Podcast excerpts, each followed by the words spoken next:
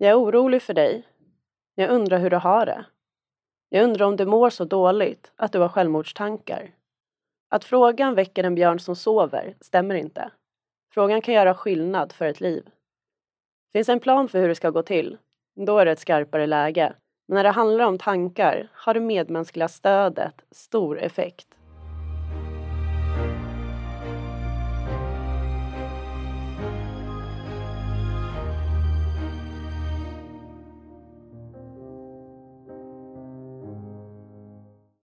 Hej och välkommen till Idéburen välfärd. Jag heter Jonna Ekdahl och är kommunikatör på Skyddsvärnet. Med mig idag har jag Rickard Bracken som är veckans gäst. Välkommen! Ja, men tack så mycket. Hur mår du? Ja, men jag mår, eh, mår fint, tack. Vill du berätta lite grann vem du är? Ja, eh, det gör jag gärna. Rickard Bracken heter jag som sagt och eh, jag jobbar då som generalsekreterare för den ideella organisationen Suicide Zero och har funnits där på den posten i, i två år. Eh, och sen samtidigt så är det en fråga, det handlar om psykisk ohälsa och självmord, en fråga jag jobbat med nästan, ja faktiskt hela mitt yrkesliv. Eh, och det är oftast så att man tänker att saker och ting är en slump men man hittar på något sätt linjer när man har hunnit bli lite äldre och titta bakåt i livet. Och i mitt fall var det att jag växte upp med en mamma som var, var dålig. Ehm, och det födde mitt engagemang att liksom vilja bidra till en förändring i samhället och en förändrad syn på psykisk ohälsa, psykisk sjukdom. Att göra det mer talbart, mindre skambelagt och att skapa möjligheter för människor som, som lever med olika typer av psykiatriska tillstånd möjlighet att prata om det som man gör normalt sett. Eh, och på samma sätt tycker jag att det är med frågan om självmord i samhället, att det är någonting som vi pratar för tyst om. Um, och det är viktigt att dela det med, med varandra. Och man, vi brukar säga det att just självmordstankar i sig, det, det är ingenting som är, som är farligt utan eh, det är någonting som är vanligt förekommande och det, där kan man vi som medmänniskor göra ett, ge ett stöd till varandra. Och vi ska prata lite mer om skam och eh, tabun kring det. Men först så skulle jag vilja veta lite mer om Suicide Zero. Ja, men Suicide Zero är en ideell organisation och vi är ganska unga. Vi, har, vi grundades 2013. Det är bara åtta år. Och vår, vad vi gör är mycket att arbeta med att lyfta frågan om självmord i samhället. Att eh, jobba med att påverka politiker att prioritera det här området. Vi tycker inte att det, att det, det är alltså 1500 människor i genomsnitt som dör i självmord varje år. Det bara fortsätter så år efter år. Så det är ett stort, stort samhällsproblem och här tycker vi att man behöver göra mer och ta fler initiativ politiskt för att förebygga det här. Sen jobbar vi mycket med utbildning. Vi har en utbildning som heter Våga fråga eh, som är ett ett stöd till. Hur kan man prata med någon som man är orolig för? Och vad kan man själv göra om man själv mår dåligt och, och, och så vidare. Vi tycker det är en kunskap som ska finnas brett i samhället hos, hos alla människor. Och så jobbar vi också med att ge stöd till forskning och att ta hand om resultat från forskningen och se till att den kommer till användning. Att använda kunskapen och göra praktisk nytta utav den. Eh, och ett sådant exempel är ett arbete vi gör som vi riktar till föräldrar som har barn i åldern 9 till 12 eh, års ålder. Och eh, det vi gör där i, i det här arbetet som heter Livsviktiga snack, det här initiativet, är att vi ger stöd och inspiration till föräldrar hur de kan i sin tur stödja sina barn att prata om vad de upplever. Eh, både kring det som är jobbigt i livet och det som är roligt. Och vi vet att just den där förmågan att kunna uttrycka sig kring hur man mår, hur man har det, den är skyddande, den är bra för nästan allting. Men den kan också senare tider i livet när man eh, stöter på stora problem så kan den också hjälpa till med att man ber om hjälp eh, och det kan vara livräddande. Men varför är det så svårt att prata om eh, hur man verkligen mår? Ja, det är ju, det är ju verkligen en fråga som är individuell. Sådär. Eh, och eh, ett svar på det när vi tittar på, på, på gruppnivå sådär, så skulle jag säga att män har svårare än kvinnor. Och då kommer vi in på frågor som har med normerna i samhället, bilden utav manlighet, vad det är. Men det är också en träningsfråga. Eh, att kunna sätta ord på sina känslor och kunna beskriva det. Eh, och det behöver man liksom börja med och visa att det är okej. Okay. Men det finns ju också liksom föreställningar i eh, mycket bland män men också liksom brett i samhället att man är liksom stark när man är ensam. Att att, berätta om hur man har det är ett tecken på, eh, på svaghet. Eh, vi, jag tror många upplever att man är rädd för att blotta sig. Och sen finns det också ett stigma, eh, särskilt kopplat till frågor som handlar om psykisk ohälsa. Att, eh, att, eh, och, och, att man är rädd för att man får negativa konsekvenser, att det blir negativa konsekvenser helt enkelt för att man berättar om vad man upplever och hur man har det och, så. Mm. Vilka negativa konsekvenser är det som ni eh, ser att eh, personer tror att de kommer få eller som man faktiskt får? Ja, men det kan ju handla om att man eh, till exempel på jobbet eh, säger att man drabbas av en utmattningsdepression. Att man orkar inte, man kan inte jobba, liksom systemet eh, slår igen. Och eh, där kan man uppleva liksom att eh, man blir sedd på ett annat sätt, att arbetsgivaren inte tycker att man riktigt är att, att lita på eh, och att det som är liksom egentligen resultatet utav en ohållbar situation där man har utsatts för påfrestningar, ofta från, från många olika håll. Det görs liksom som ett, till ett individuellt problem i värsta fall. Att man inte ser att det är Eh, yttre faktorer som har gjort att man har hamnat där man hamnat. Och många gånger så kan ju de som drabbas av utmattning vara de som verkligen har liksom pressat sig själv och drivit sig själv längre än vad de kanske allra flesta människor inte skulle göra. Mm. Eller det kan vara personen som drabbas av en depression eh, och så, så möts man utav oförstående. Och, eller om man ehm, kommer in i ett tillstånd där man blir liksom ehm, lite manisk sådär och gör saker och så vidare så drar sig folk undan. Eh, man upplever, många upplever att man tappar karriärmöjligheter och så vidare. Så att eh, i ett sådant sammanhang så är det ju väldigt viktigt, till exempel som arbetsgivare, att visa och uttrycka värderingar som ger stöd för att människor kan berätta om, om, om vad man upplever. Och, och, just när det kommer till självmord, som ibland är kopplat till eh, psykiska till, psykiatriska tillstånd som jag pratat om, men ibland så är det handlar om saker i livet, så där liksom, att man har gjort ett försök och så vidare. Då är det lite samma sak. Att eh, folk drar sig helt enkelt undan, man vågar inte fråga och man upplever att man på något sätt får lite grann av en stämpel på sig. Hur kan man uppmärksamma att någon har självmordstankar? Alltså, för det första så är det inte säkert att man som närstående eh, har förstått att, eh, att personen har gjort ett försök eller mår så dåligt att man har tankar, liksom, har, att man har självmordstankar. Det är inte givet att, att man upptäcker det och eh, det kan också vara så att en person som själv bär på självmordstankar döljer det för omgivningen och sådär. Och jag tycker liksom brett sådär för det första att det man kan göra då som, som eh, anhörig eller vän eller eh, arbetskamrat det är att uppmärksamma när det som vi kallar för livsomställningar i livet. Och det kan vara vanliga händelser, att man går i pension eller att man får barn. Eh, man slutar skolan och ska börja jobba. Eh, den typen av förändringar. Och det är en sån där sak som jag tycker vi alla kan göra. Det är att eh, fråga om hur man upplever det. För många av de här sakerna kan också vara roliga och sådär men det kan också vara liksom väcka känslor och, och så och skapa, skapa situationer där man inte mår bra. Och sen så i, i, nästa steg så handlar det om att, att man ser att en person förändras och inte riktigt är sig lik. Så där, att det, att beteendet förändras och det är många gånger svårare att se. Um, men det, det kan handla om en person som kanske är tillbakadragen som eh, normalt sett och är sådär som helt plötsligt blir väldigt social och kanske lite forcerad. Eller tvärtom, att det är en person som är ofta ute och pratar och syns och hörs och sen helt plötsligt drar sig undan. Ehm, den typen av förändringar tycker jag också att man ska prata om.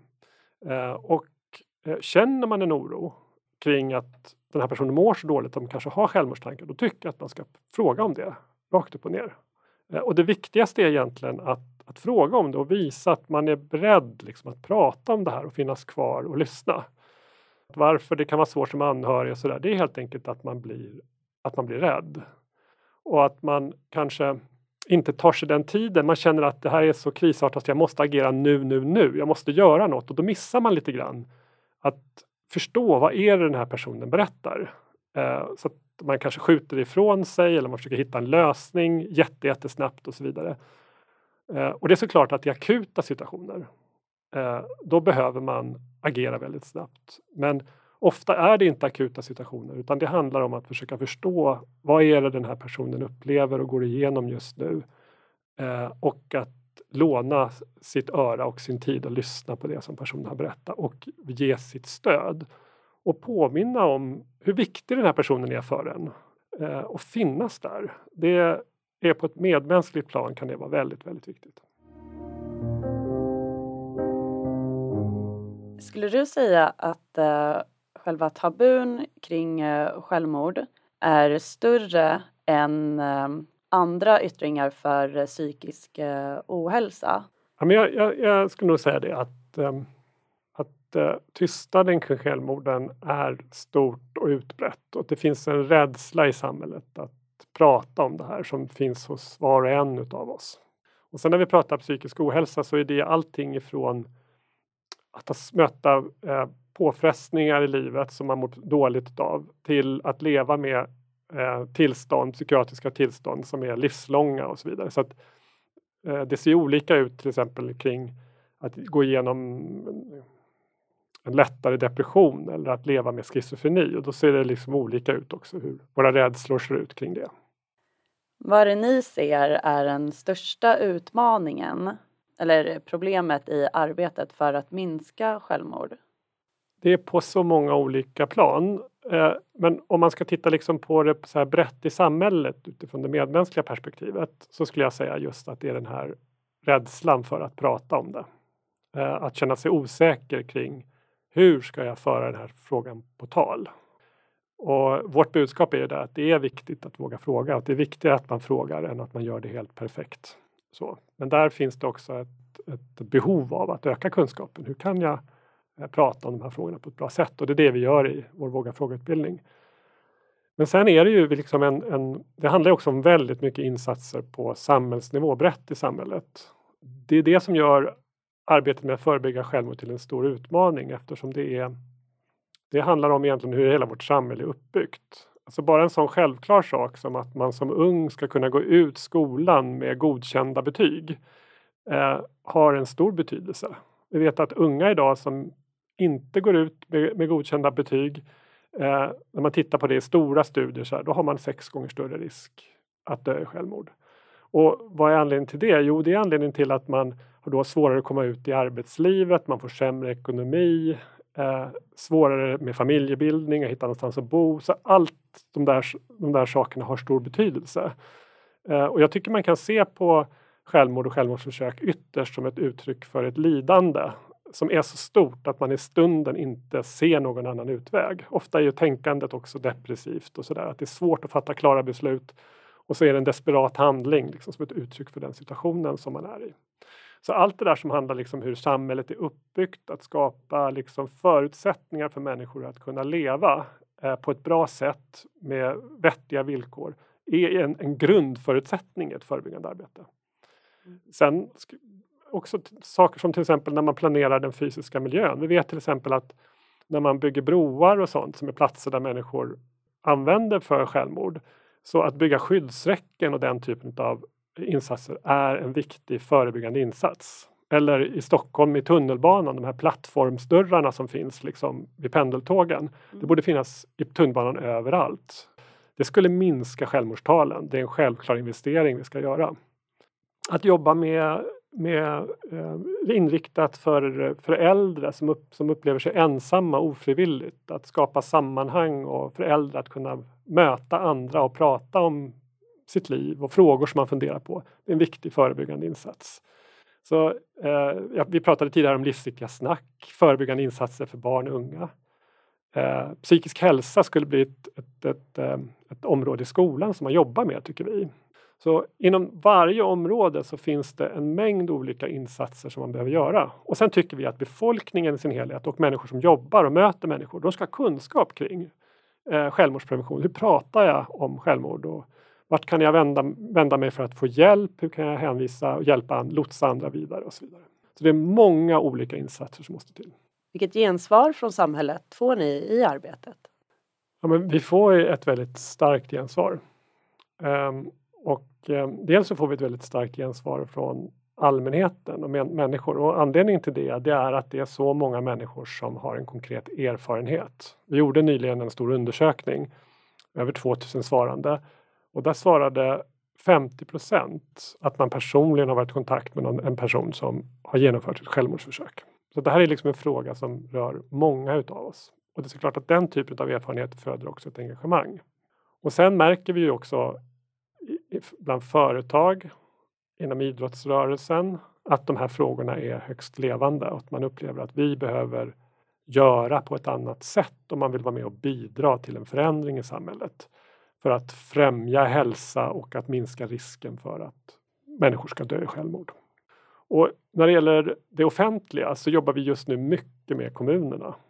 Eh, för vi tycker att de behöver göra mycket mer. Och vi tycker att kommunerna ska ha en genomtänkt strategi hur man jobbar med självmordsprevention. Eh, och det gäller liksom inte bara då socialförvaltningen till exempel. Ofta hamnar det där, utan det gäller hela kommunen hur man jobbar med det här. Eh, och ska vi få till eh, en förändring och minska antalet självmord i samhället så måste liksom hela samhället med. Vi som privatpersoner, ideella organisationer, kommuner, regioner, alltså hälso och sjukvården måste jobba med de här frågorna. Och staten eh, också via sina myndigheter och så. Eh, och just nu är det ett stort fokus på psykisk ohälsa och självmordsprevention och det sker också mycket som är bra. Eh, samtidigt som det är så oerhört mycket mer som måste göras. Om man jobbar då med att eh, bemöta personer som har eh, genomfört eh, självmordsförsök, hur ska man bemöta, göra det på bästa sätt? Om det är en person som har genomfört ett självmordsförsök så är ju det i sig en, en riskfaktor för att man ska göra det igen. samtidigt är det ju faktiskt så att de allra flesta Eh, upp till 9 utav 10, de kommer inte dö i självmord trots att man genomfört ett självmordsförsök. Utan de kommer dö av helt andra orsaker senare i livet. Så prognosen är ju liksom god. Sådär. Eh, så det handlar ju också om att spegla det, kunna förmedla hopp. Eh, men viktigast är att, ehm, att eh, ge det där stödet och om man känner en oro att prata om den oro man upplever. Eh, och ehm, ehm, fråga personen. Eh, så. Och jobbar man professionellt med de här frågorna eh, så finns det till exempel i, inom psykiatrin så jobbar man med någonting som, eh, som eh, man kallar för säkerhetsplanering på sina håll och som har ett, ett bra stöd. Och det bygger egentligen på att man tillsammans med patienten kommer överens om olika strategier för hur man kan agera om det här skulle hända igen. Så att man är förberedd när man kommer i det där liksom, tillståndet där man är liksom desperat och liksom känner jag orkar inte längre. Då har man redan på förut bestämt vem ska jag ringa? Vilka platser kan jag söka mig till som kan vara trygga för mig? Hur kan jag snabbt komma i kontakt eh, med vården eller med någon jag litar på och så vidare för att ladda ur situationen.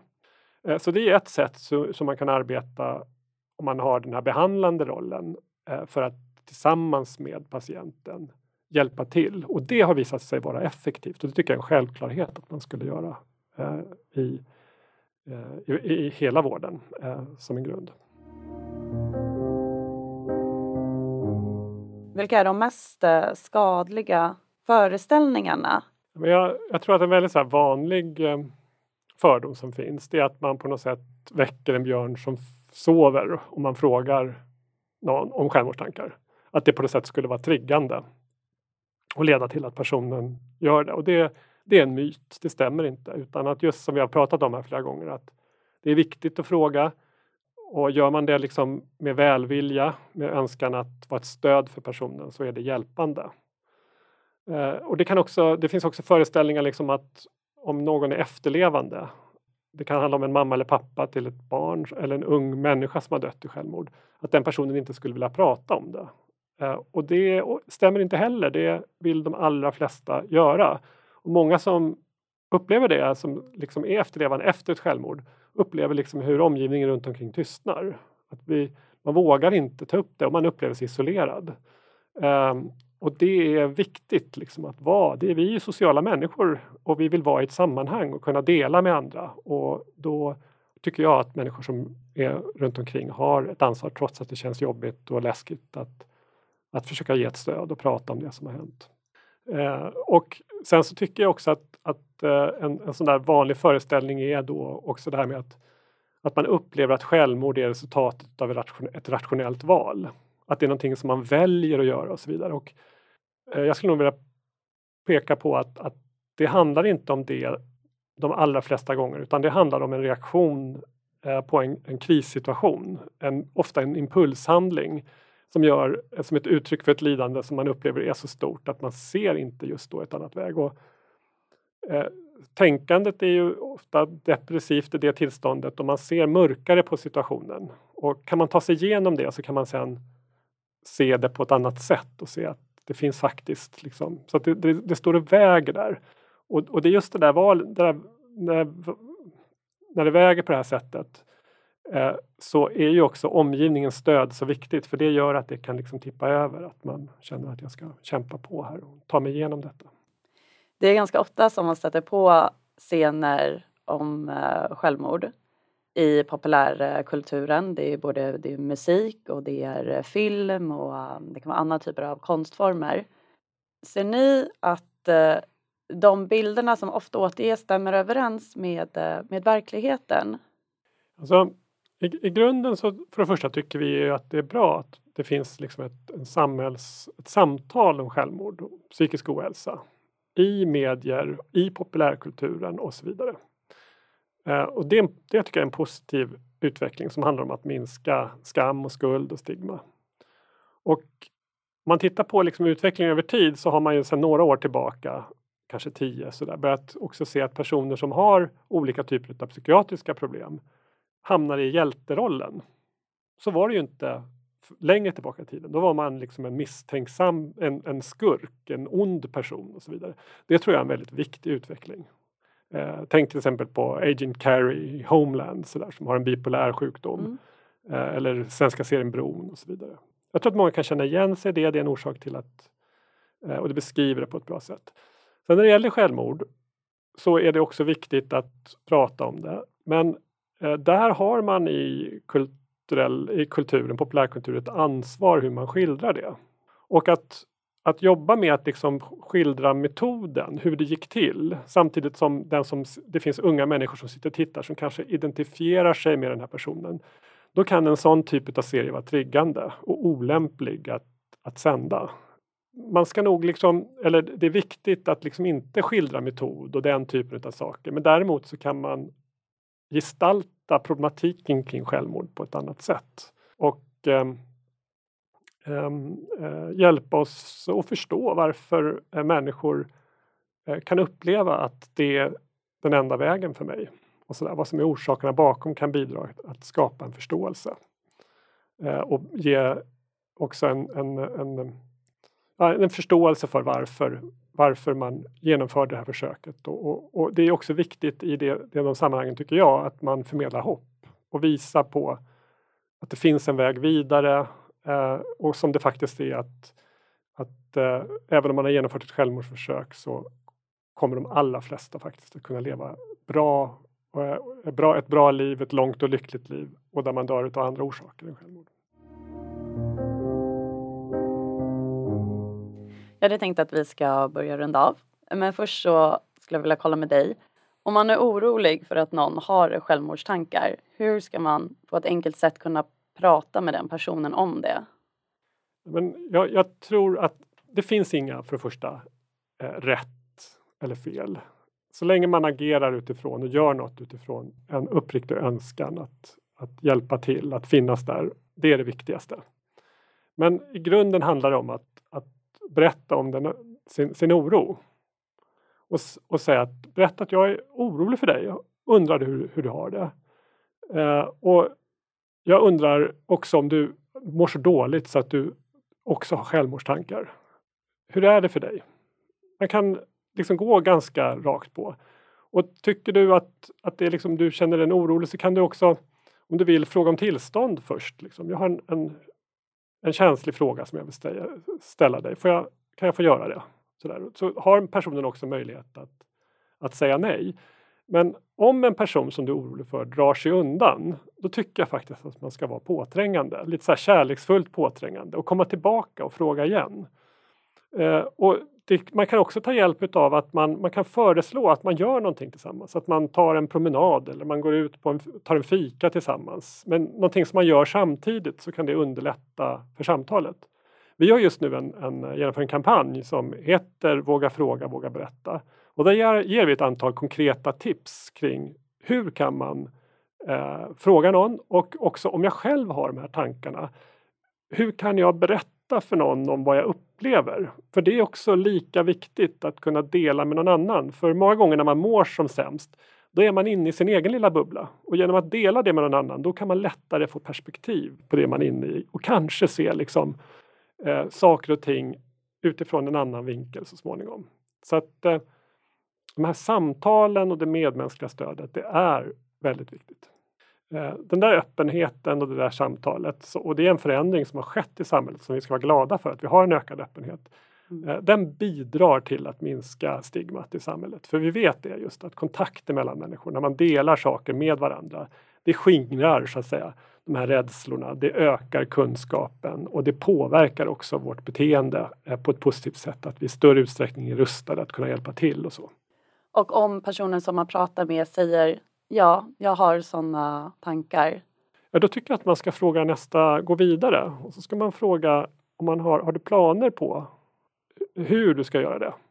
Och säger personen ja till det, eh, då är det ett mycket skarpare läge. Eh, har du bestämt när eh, och plats kanske? Att man ska bli så konkret och detaljerad som möjligt. Och är det som så att man får den här typen, att det finns planer, det finns till och med liksom en tanke om tiden när det här ska ske och så vidare, då ska man se till att lotsa den här personen eh, så att han eller hon får hjälp. Eh, då är det en akut situation. Eh, kan man ringa 112. Eh, se till att personen kommer till, en, ehm, eh, till vården och får tillgång till, eh, till professionellt stöd. Eh, för det, i det läget så behövs det helt enkelt. Eh, men är det en, en, en, eh, om det handlar om självmordstankar och så vidare, då behöver det inte alls vara lika akut, utan där kan det medmänskliga stödet ha en, en stor, stor effekt och då ser man till att hålla kontakten och eh, man kan också se till att, att, hjälpa personen att få kontakt också med en professionell eh, samtalsstöd via eh, primärvården till exempel. Eller någonting sånt. Då har jag den absolut sista frågan och det är en som jag ställer till alla gäster. Och det är om du kan berätta någonting som är lite oväntat eller roligt om dig själv. Eh, jo, eh, nu ska vi se. Eh, jo, något som är lite oväntat. Jag har jobbat som reseledare i Indien. Mm. Och på en av mina resor eh, så bodde jag på samma hotell som Indiens dåvarande premiärminister Rajiv Gandhi. Eh, och nästföljande resa så vi blev vi hembjudna till honom och åt lunch tillsammans med Rajiv och kunde prata om världspolitiken. Det tycker jag är häftigt och man tänker på så här nu i terrorismens tidevarv, vilken förändring. Det här var på 90-talet eh, och han var nyfiken på oss och eh, öppnade upp sitt hem för en grupp eh, turister från Sverige. Det, det är lite kul. Vad spännande, vad kul. Mm. Det är någonting att berätta om. Ja, det är det verkligen. Ja, men då vill jag säga jättemycket tack för att du kom hit och har pratat om det här ämnet och nu har vi lyft det mer, kanske öppnat upp lite grann. Tack så mycket för möjligheten och eh, ja, det handlar nog om väldigt mycket för oss att våga fråga och våga berätta. Tack. Tack. Och om du som lyssnar har tips på ett ämne eller en gäst som du vill att vi ska ta med podden, skriv då till nyheter skyddsvarnet.se. Tack för att du har lyssnat.